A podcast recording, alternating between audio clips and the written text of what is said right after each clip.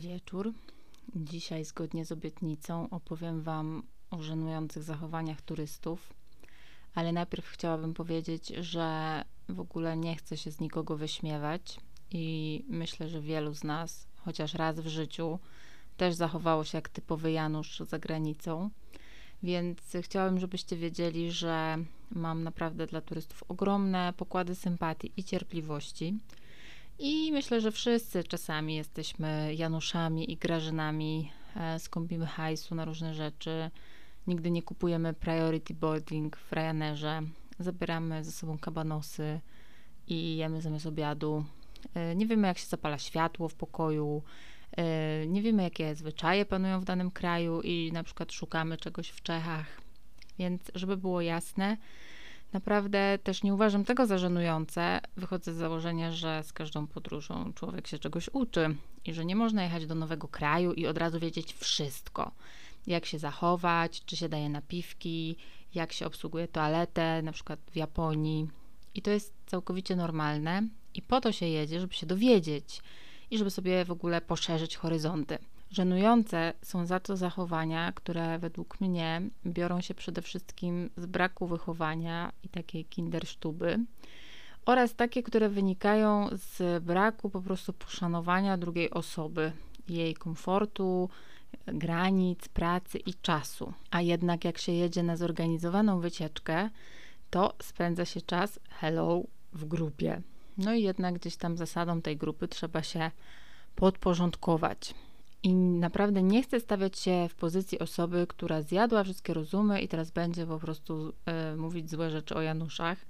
E, rozumiem, że ludzie są czasami na wycieczce pierwszy raz, pierwszy raz za granicą, może pierwszy raz lecieli samolotem, może nie mówią w żadnym języku, może niektórzy oszczędzali cały rok na tę wycieczkę i teraz mają ściśle wyliczony budżet. I to jest wszystko ok.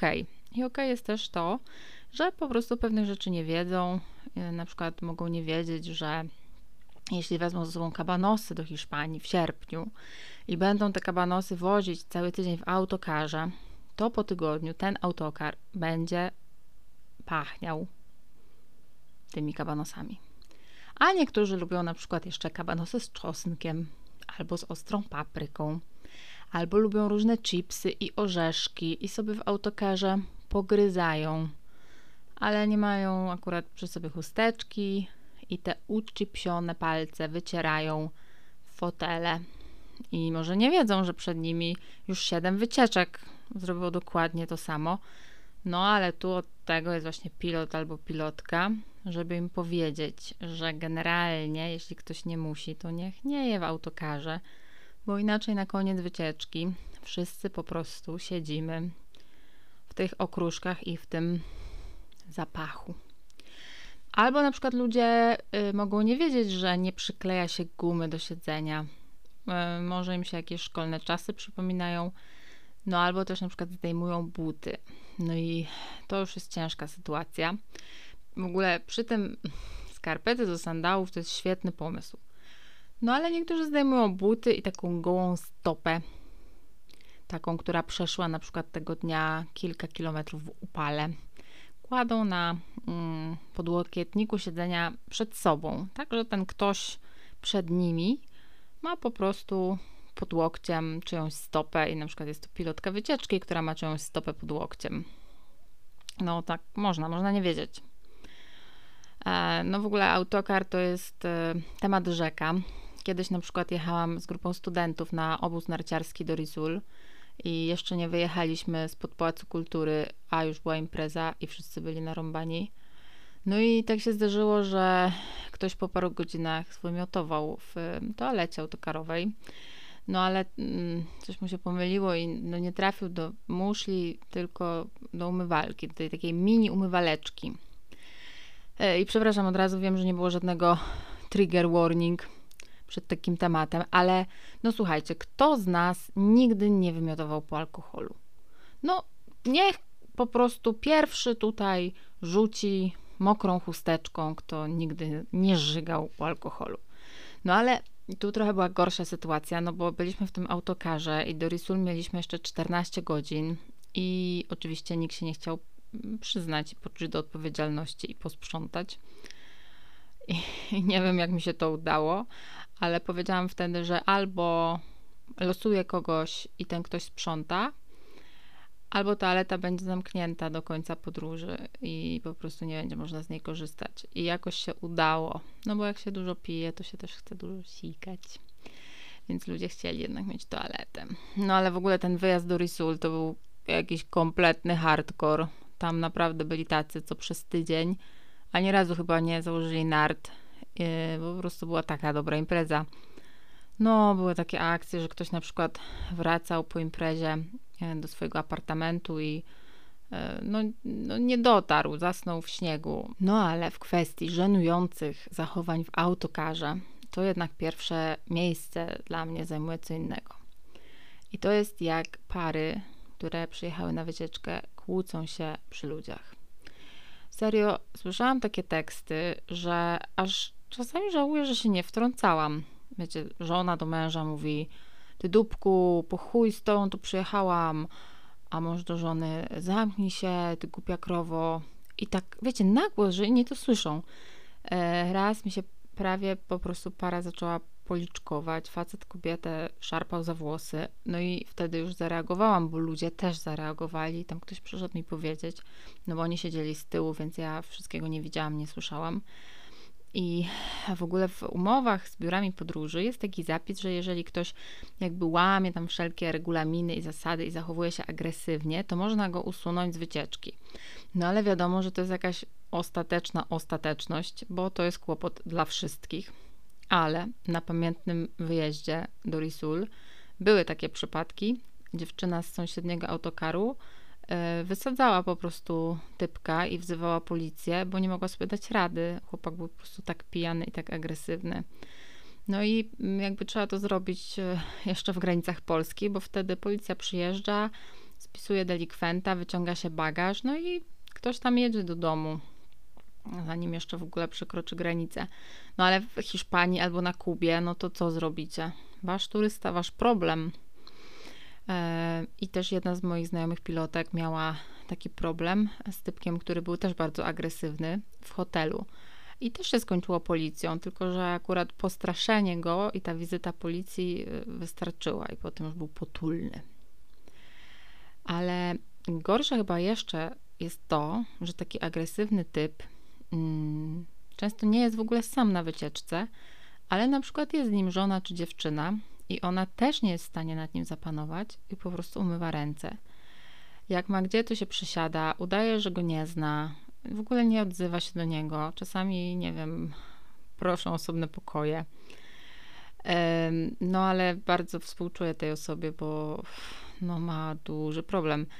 I trochę też jest tak, że część osób przyjeżdża na te wakacje z jakimś takim bagażem problemów i postanawia bardzo wiele kwestii właśnie rozwiązać na urlopie. I no, ta tak zwana żyłka czasami pęka. I dosyć przykro jest na to patrzeć, bo no jednak, e, no to wiecie, jest czyjeś życie, emocje tak na wierzchu przy ludziach. I w ogóle ludzie też na wakacjach oprócz tego to mm, tak sobie wszystko luzują, mają taką potrzebę resetu, odreagowania stresu i różnie się to objawia, bo jedni śpią, inni codziennie piją, a jeszcze inni no, wyżywają się właśnie na swoich bliskich i to jest przykre. Ale na moim festiwalu żenady pierwsze miejsce zajmują turyści, którzy mają lepkie ręce. I raz na wycieczce e, miałam takiego typa, który nosił ze sobą wszędzie selfie sticka i telefon na tym selfie sticku i kilka razy próbował mi tym telefonem tak jakby zajrzeć pod spódnicę. No i w ogóle nie reagował na mój sprzeciw. I żona też nie reagowała. Żona już była z tych właśnie, że one już w ogóle nie rozmawiają z tym mężem. No i typ w ogóle wyglądał tak, jakby cały czas był pod wpływem czegoś yy, i cały czas był z nim problem. Raz się zgubił w Hawanie, nie wiedział gdzie jest, no jeździliśmy za nim po całym mieście. Jakieś takie historie. Ale moja znajoma pilotka opowiedziała mi jeszcze gorszą historię i to już po prostu jakiś Everest żenady. Jak jeden właśnie z turystów, który był na wakacjach z całą rodziną, spytał o jakiś dobry lokal na obiad, bo chciał zje, zjeść rybę, jakiś tam lokalny przysmak, lokalnie przyrządzaną rybę. No i Dorota mu odpowiedziała, że ona może mu coś polecić, ale no jakby nie jest w stanie tak do końca zabrać głos, bo jest, bo jest weganką i nie jada ryb. Na co ten typ takim tonem zaczepnego Januszka powiedział jej: Skoro jesteś weganką, to powiedz, jak obciągasz komuś, to połykasz? I to nie jest żart. I dookoła byli inni ludzie, i żona tego klienta. I no ja nie wiem. Nie wiem, co ludzie mają w głowach. Naprawdę. Jakby to jest żenada zawsze. E, I o ile wiecie, no można wybaczyć jakieś takie komentarze jeszcze czasami na temat wyglądu, czy wieku, czy płci. No to coś takiego. No i w ogóle Dorota mi opowiedziała, że na tej samej wycieczce było też dwóch studentów z Arabii Saudyjskiej i oni studiowali w Polsce, ale po prostu ludzie non-stop dopytywali, a dlaczego oni w ogóle tu są, a e, dlaczego przyjechali z polskim biurem i mówili o nich terroryści i nazywali ich ciapatymi. No przykre to jest. No i są też takie sytuacje, które może na początku pracy wydawały mi się lekko żenujące, a potem już przywykłam. Jak na przykład na Kubie, kiedy ludzie wysiadali z samolotu, no to ich tam witałyśmy i zawsze prosiłyśmy, żeby od razu sobie wymienili w kantorze pieniądze, bo kurs jest wszędzie taki sam, a potem nie będzie okazji. I zwykle było, padało takie pytanie, ile mają wymienić, i my zawsze mówiłyśmy, że 100 euro na osobę, no bo to jest taka suma, wiecie, na 10 dni objazdówki, że to tak no schodzi tyle. A niektórzy, y, znaczy tak, niektórzy mówili y, ok, inni pytali, dlaczego aż tyle, ale byli też tacy, co się oburzali, że oni przecież przyjechali na zorganizowaną wycieczkę i że oni już nie będą za nic płacić. No i raz właśnie jeden typ mnie spytał, na co mu te 100 euro. No i ja mówię, że no, żeby miał pan na wodę, na kawę, na toaletę. A on na to, wodę i kawę mam swoją, a sikać nie będę. Zresztą, no to jest też tak, że turystów na wycieczce to zawsze najbardziej interesują dwie rzeczy. Czyli gdzie jest toaleta i czy będzie jakiś supermarket. I ja to absolutnie rozumiem, jedno i drugie. Co do wody, no to jasne, no na stacjach benzynowych wiadomo, że jest drożej, ale ludzie nie chcą pić też kranówki czasami. No ale na wycieczce, wiecie, wycieczka do supermarketu, no to nie jest takie proste do zorganizowania bo raczej zwiedza się centra miast, gdzie no nie ma takich specjalnie sklepów spożywczych. No i pamiętam i natychmiast czuję właśnie już tę falę żenady, jak jechaliśmy obok Lidla i ludzie po prostu zaczęli y, krzyczeć i skandować, że oni chcą do Lidla. Tak po prostu chórem.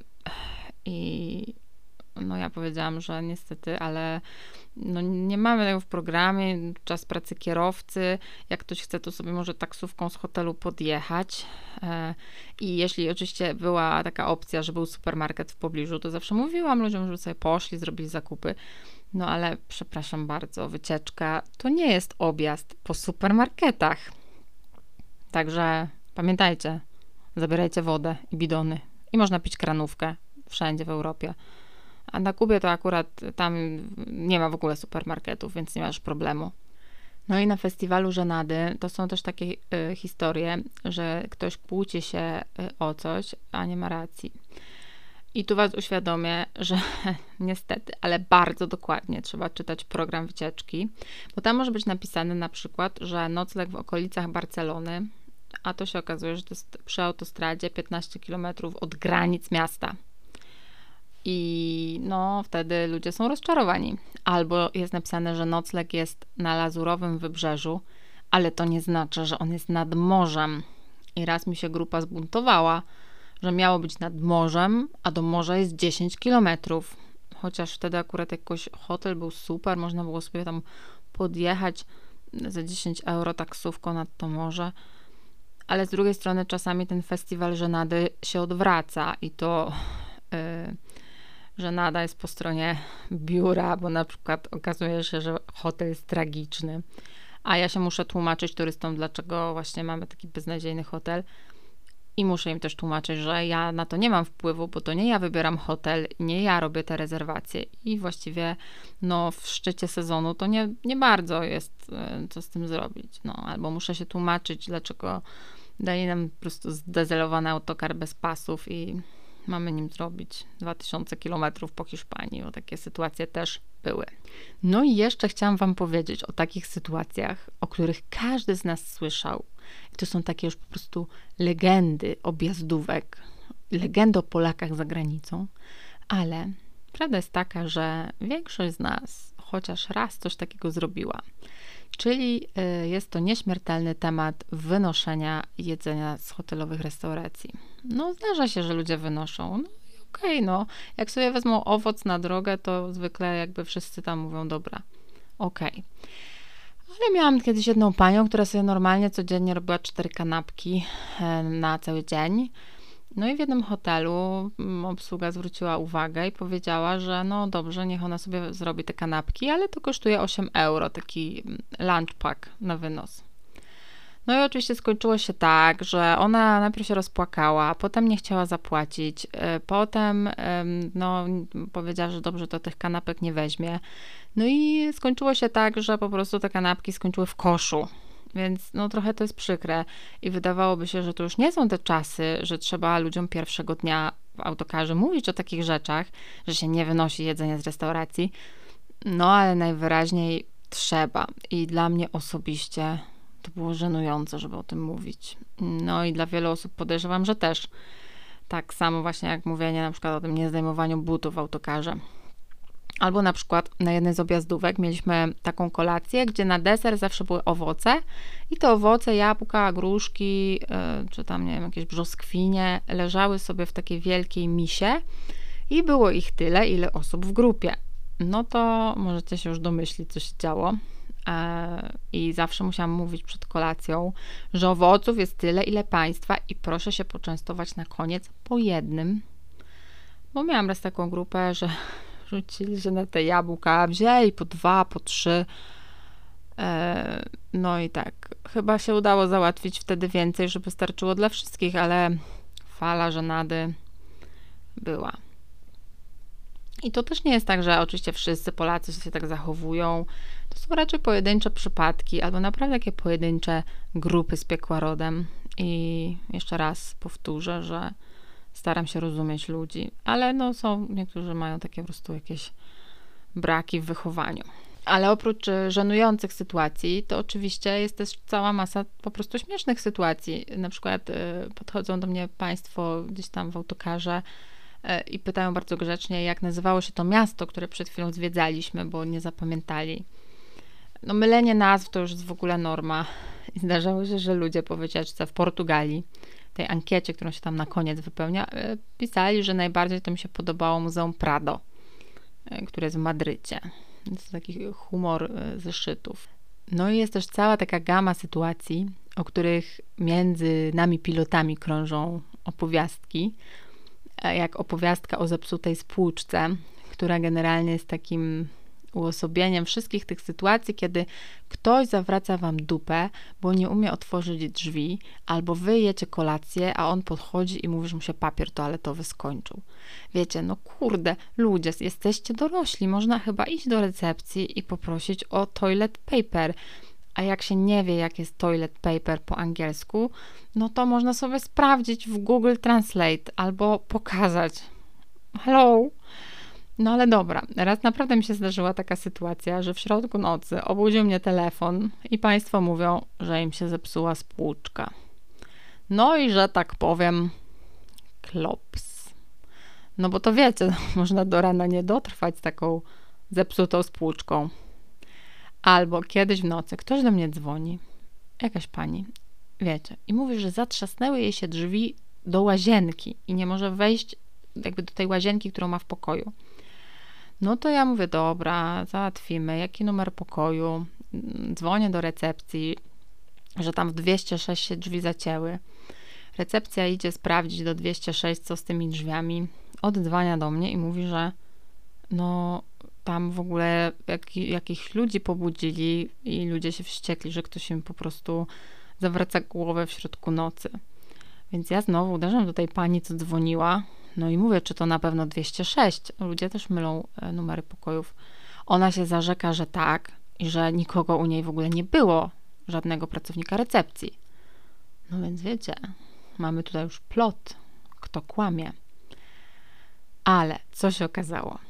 Ta pani z 206 była w innym hotelu i miała mój numer, dlatego że to była jakaś taka pierwsza noc i dostała mój numer e, mm, od pilotki, która odbierała tę grupę z lotniska, ale ich pilotka miała dolecieć dopiero tam późniejszym samolotem i jeszcze się nie spotkali tego dnia. I po prostu jej się pomyliło, że ja jestem już jakby jej docelową pilotką, tak? A to było tylko tak na zasadzie właśnie, gdyby się coś działo. No ale jakby nie było tego styku i połączenia, więc po prostu, no ona się po prostu pomyliła, a ja jej nie spytałam o nazwisko, więc y, no jakby od razu bym wiedziała, że nie z mojej wycieczki. No ale w końcu jakoś się tam dogadałyśmy, ja zadzwoniłam do drugiej Joanny, drugiej pilotki, do drugiego hotelu i tam załatwiłyśmy e, sprawę.